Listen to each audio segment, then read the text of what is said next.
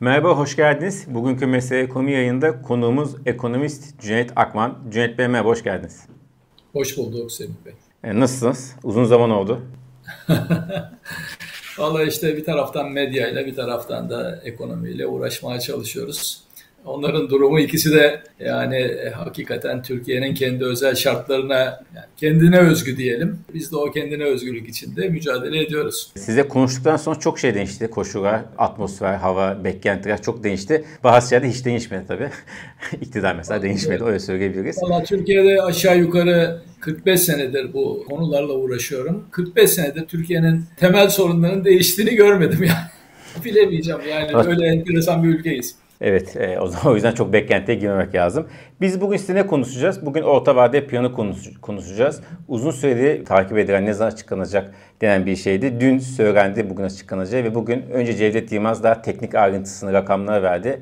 Sonrasında Cumhurbaşkanı Erdoğan biraz daha siyasi ve genel bir değerlendirme yaptı. Biz kabaca genel olarak burada neler bahsedildiğini, tutarlı, tutarsız olduğunu, geçen OVP'ye nasıl bir değişiklik olduğunu, Mehmet Şimşek'le başlayan yeni dönemin şifrelerini anlamaya çalışacağız. İstiyorsan şuradan bak, biraz dünden başlayalım. Dün Erdoğan dedi ki e, sorun ekonomik değil psikolojik. Hayat pahalılığına dair söylediği bu cümle çok manşet oldu, çok konuşuldu. Bugün de orta vade planı izlediniz. Ne, ne, ne diyorsunuz? Gerçekten sorun ekonomik değil psikolojik miymiş? Bugün öyle bir şey aldınız mesaj. Yani şimdi ekonomik olan sorunlar, hele de bazı makro sorunlar aynı anda birçok özelliğe sahiptir. Ekonomi böyle bir alan. Mesela bir tanesi ekonomi, biliminin hep bunu söylüyorum hatırlatmak maksadıyla. Doğuşta adı ekonomi politikti. Yani siyasi iktisattı. Dolayısıyla ekonomideki her önemli sorunun bir siyasi ayağı vardır. Hatta siyasi sebebi vardır. Çünkü ekonomi politikaları siyasi tercihlerle yapılır. Bu anlamda mesela enflasyon siyasi bir tercihtir. Hükümetin yaptığı siyasi bir tercih sonucu ortaya çıkmıştır. Olayın bu tarafını koyalım. Tabii hükümetin yaptığı bu tercihler, enflasyonu yaratma tercihleri vatandaşta da bir aksülamel, bir yankı, bir tepki bulur. Onlar da hükümetin ne yapacağını, tahminler yaparlar. Kendileri de ona göre davranırlar. İki çeşit vatandaş var tabii. Bir kısmı işverenler, küçük esnaf hatta, işte bakkallar, süpermarketler vesaire. Bir kısmı da onlardan alışmayan, yani tüketici, üretici diyelim hadi. E, bu ikisi.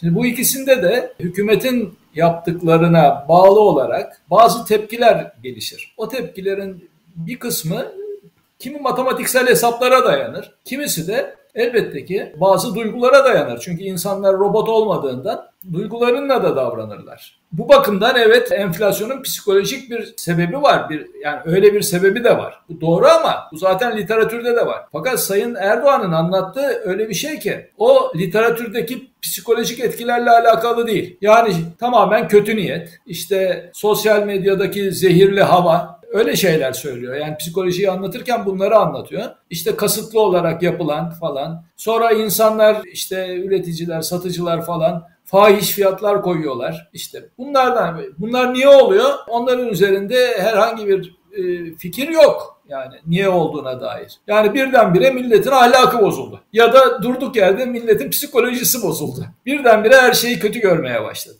E böyle bir şey olmaz ki.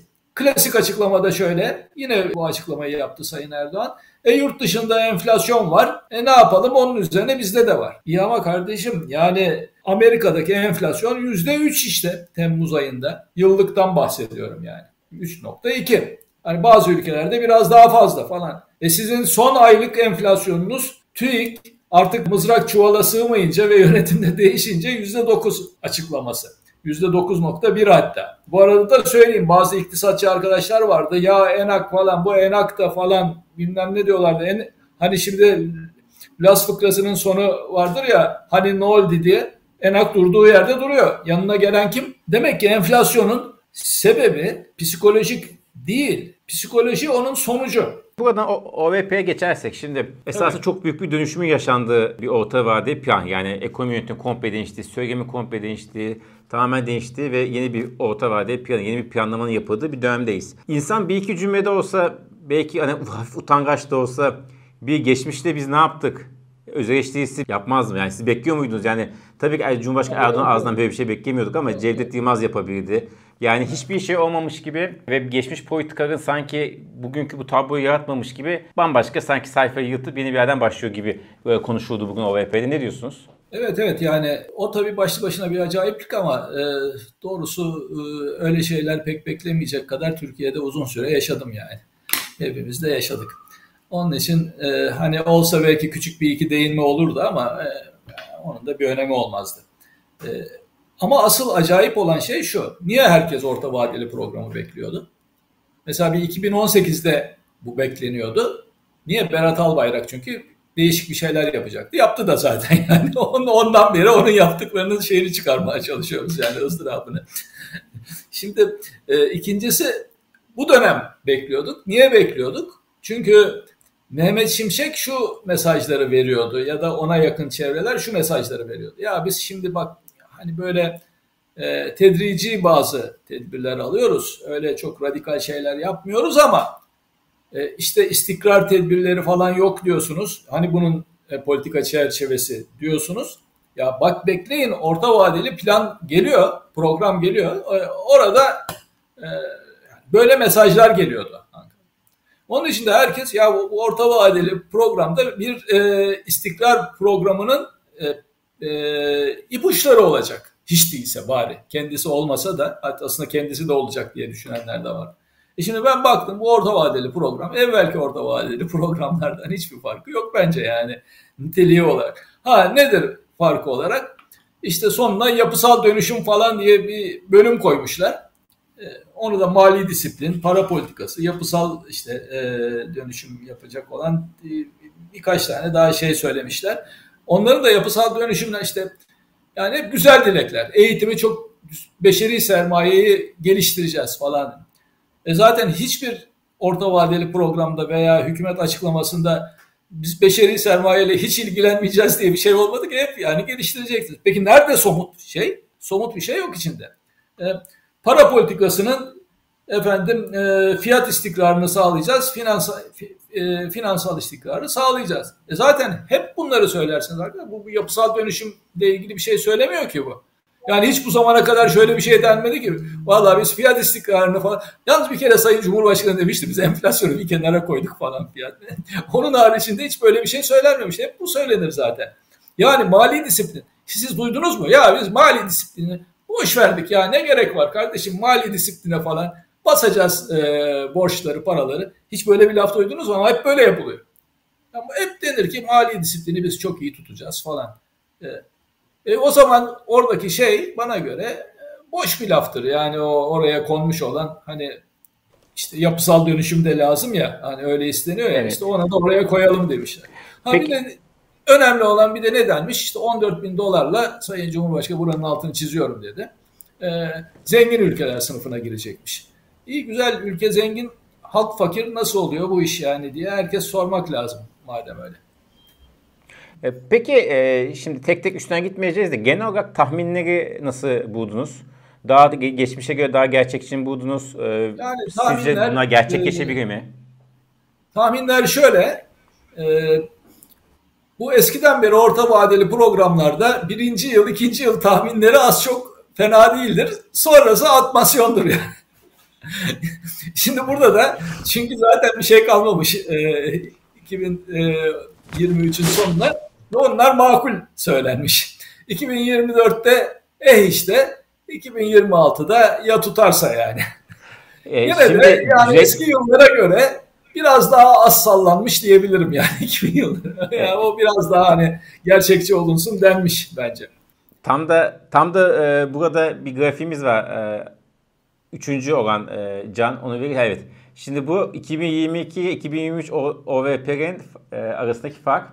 Tam da dediğiniz var mesela 2000, 2022 yılında 2024 için %19'luk enflasyon tahmin yapılmış. Bu OVP'de 2024 için %33. Evet. Yani burada da böyle biraz e, şeyde bakabilirler. E, insanlar sosyal medyada bu grafik dönüyor zaten. E, verim ettiğin grafiği. Evet. Şimdi yani tabii başka yıllar uzadıkça, uzadıkça, uzadıkça tutarsızlık gözüküyor. E tabii. Şimdi e, zaten o kadar e, yani her şeyin çok çabuk değiştiği, biraz da keyfi kararlarla değiştiği bir ülkeyiz ki biz. E, o yüzden yani mesela şirketler nasıl bütçe yapıyor gerçekten merak ediyorum yani artık. Eskiden de zordu da e, şimdi de yani orta vadeli programda gene e, öyle işte kendileri de bilmezler ki 4 sene sonra ne olacak yani. E, ama burada bir problem var. Problem şu bakın 2023'te yüzde 65 enflasyon yaratacağım diyor. bu arada Türkiye Cumhuriyet Merkez Bankası daha geçenlerde enflasyon tahminini yıl sonu için yaptı. O da 58. Yani 60'lar 70'ler falan konuşulduğunda aradaki böyle e, 7 puan önemsizmiş gibi gözüküyor ama 7 puan için dünyada kıyamet kopuyor yani. Yani bunlar aynı ekip üstelik hazırlayan. Daha da aralarından bir ay falan geçti yani bu şeyi yapalı.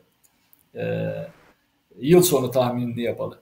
E bu geçen sene de bu ciddiyet, geçen seferkilerde de bu ciddiyetsizlik sürüyordu. Yani Merkez Bankası bir açıklama yapıyor. Ee, efendim şey e, Cumhurbaşkanlığı veya e, işte kalkın yani işte o Cumhurbaşkanlığı şimdi şey yapıyor. O, orta vadeli başka bir şey yapıyor.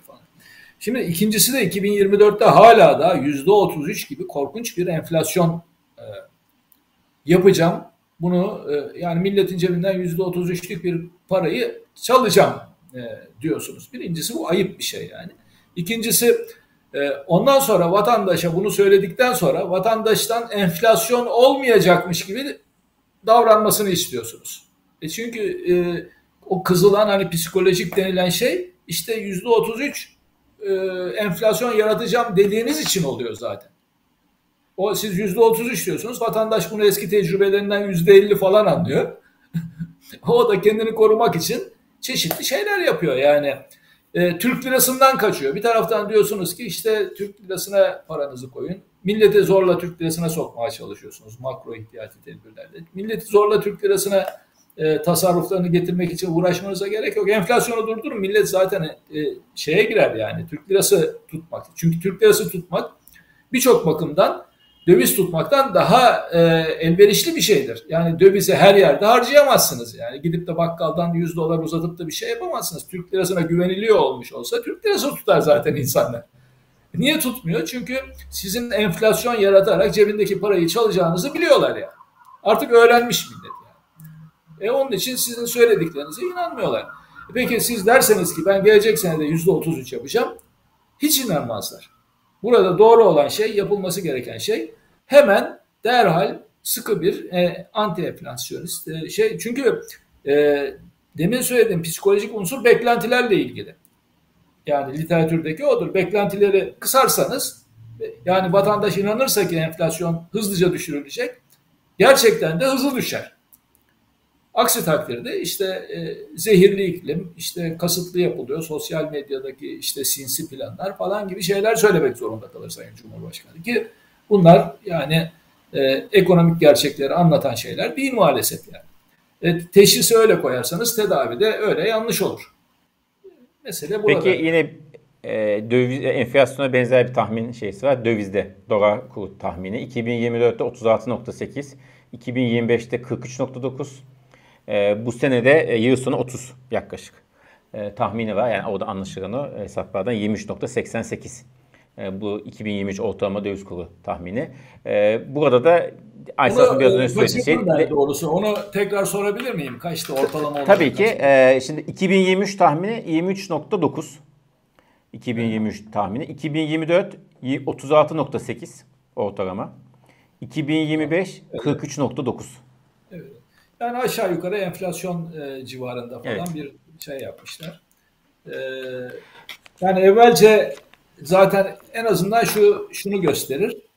E, yani enflasyonu e, salıp bırakıp e, dövizi tutmaya çalışmaktan herhalde kısmen vazgeçilecek. Ya da en azından şimdilik niyet o. Yani enflasyonu nasıl düşüreceğiz? İşte o civarda da e, reel bir kur e, götürülecek diye düşünülüyor.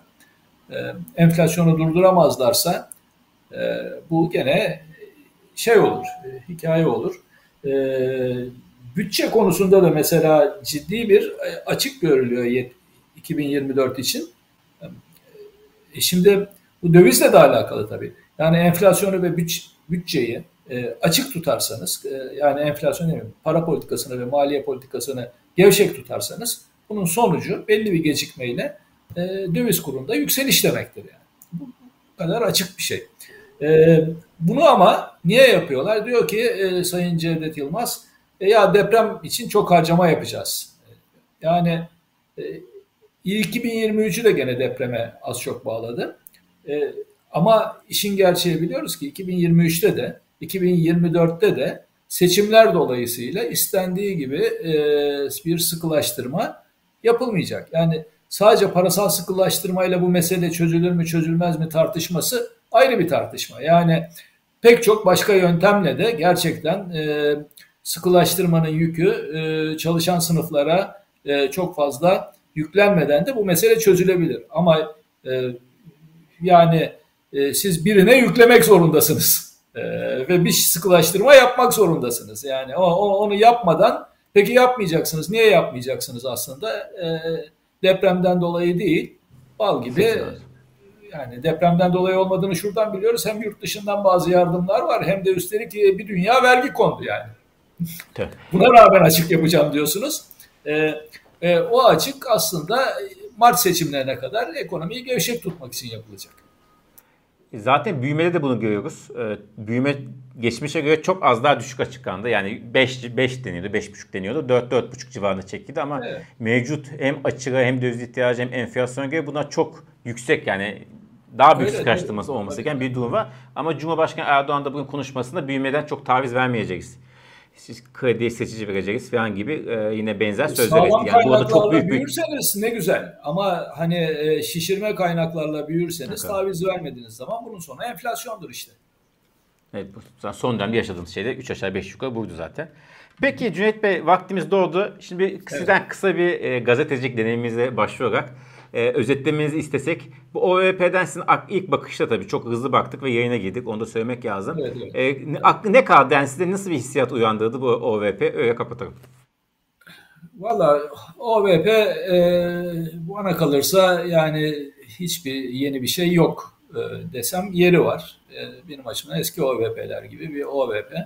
Benim aklımda Sayın Cumhurbaşkanı'nın altını çizdiği için işte zengin ülkeler sınıfına e, gireceğiz 2026'da bekleyin e, demesi e, biraz beni tebessüm ettirdi. Umarım dediği gibi olur.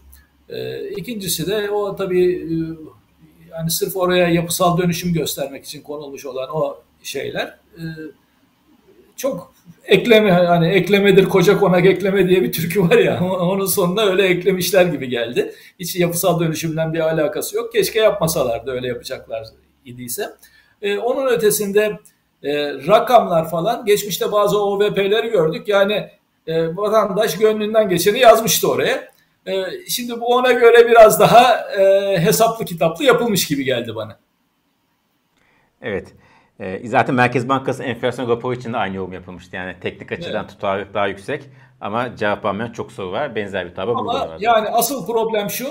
Beklenti bir istikrar programı e, çıkmasıydı ki Sayın Şimşek'in e, politikasında o unsur eksikti. Asıl mesele beklenen istikrar e, şeyi politikası e, orta vadeli programda da karşımıza çıkmadı. Yani başlık atmaya kalksam bunu atarım. Bu bir piyasalar ve ekonomi takip eden özellikle yabancı yatırımcı, içerideki yatırımcı için bir hayal kırıklığı yaratır mı? Yani istikrar programının gelmemiş olması.